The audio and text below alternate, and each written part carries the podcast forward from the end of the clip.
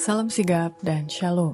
Renungan kita pada hari ini, Jumat 19 Januari 2024, berjudul Pengantin Laki-Laki.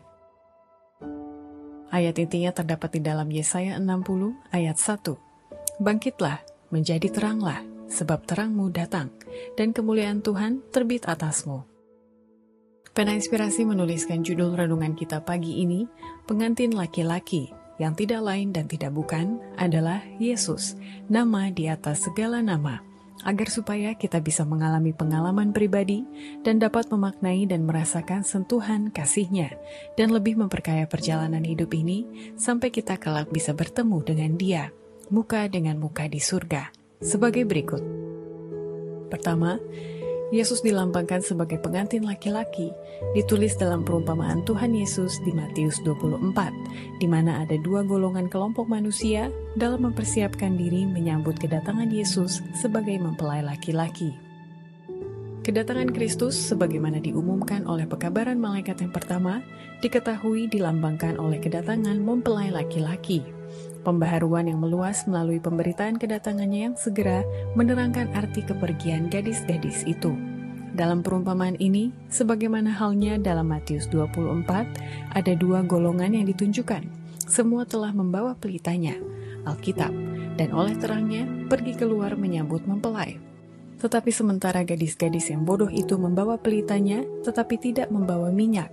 Gadis-gadis yang bijaksana itu membawa pelitanya dan juga minyak dalam buli-buli mereka.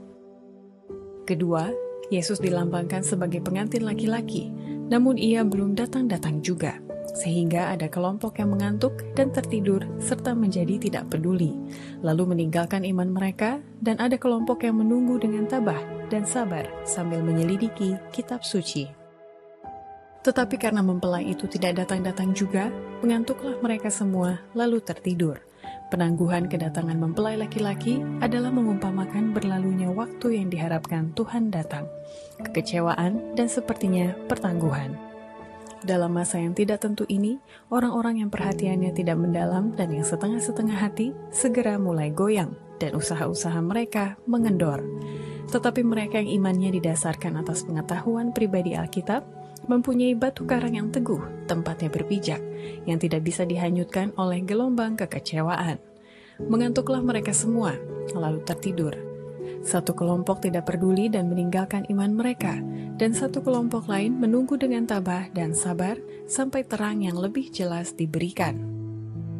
Ketiga, Yesus dilambangkan sebagai pengantin laki-laki, karena pada saat ini ia sedang melayani sebagai imam besar kita di bilik yang maha kudus di surga untuk memulihkan tempat kudus itu. Daniel 7 ayat 13, 8 ayat 14. Dan peristiwa pemulihan ini paralel dengan perumpamaan Tuhan Yesus tentang kedatangan mempelai laki-laki ke pesta pernikahan yang ditulis di Matius 25.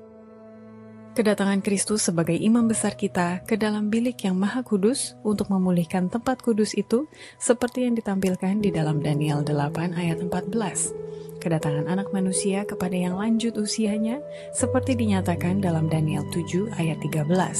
Dan kedatangan Tuhan ke dalam baitnya yang diramalkan oleh Maleaki adalah keterangan peristiwa yang sama dan ini juga dinyatakan oleh kedatangan mempelai laki-laki ke pesta pernikahan sebagaimana diterangkan Kristus dalam perumpamaan 10 anak darah dalam Matius 25. Keempat, Yesus dilambangkan sebagai pengantin laki-laki dan kota Yerusalem baru dilambangkan dengan mempelai perempuan, sementara umat Tuhan adalah tamu, Matius 22, dalam masa penghakiman surgawi atau masa pemulihan tempat kudus itu di surga pada saat ini.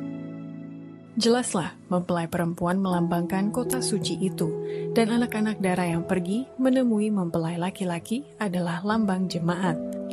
Dalam buku Wahyu, umat Tuhan dikatakan adalah tamu pada perjamuan kawin. Wahyu 19 ayat 9. Jika umat Tuhan adalah tamu, tidak mungkin juga melambangkan mempelai wanita. Kristus, sebagaimana dikatakan oleh Nabi Daniel, akan menerima dari yang lanjut usianya kekuasaan dan kemuliaan dan kerajaan. Ia akan menerima Yerusalem baru, ibu kota kerajaannya, yang berhias bagaikan pengantin perempuan yang berdandan untuk suaminya. Daniel 7 ayat 14, Wahyu 21 ayat 2. Demikianlah renungan kita pada hari ini. Kiranya Tuhan memberkati kita semua.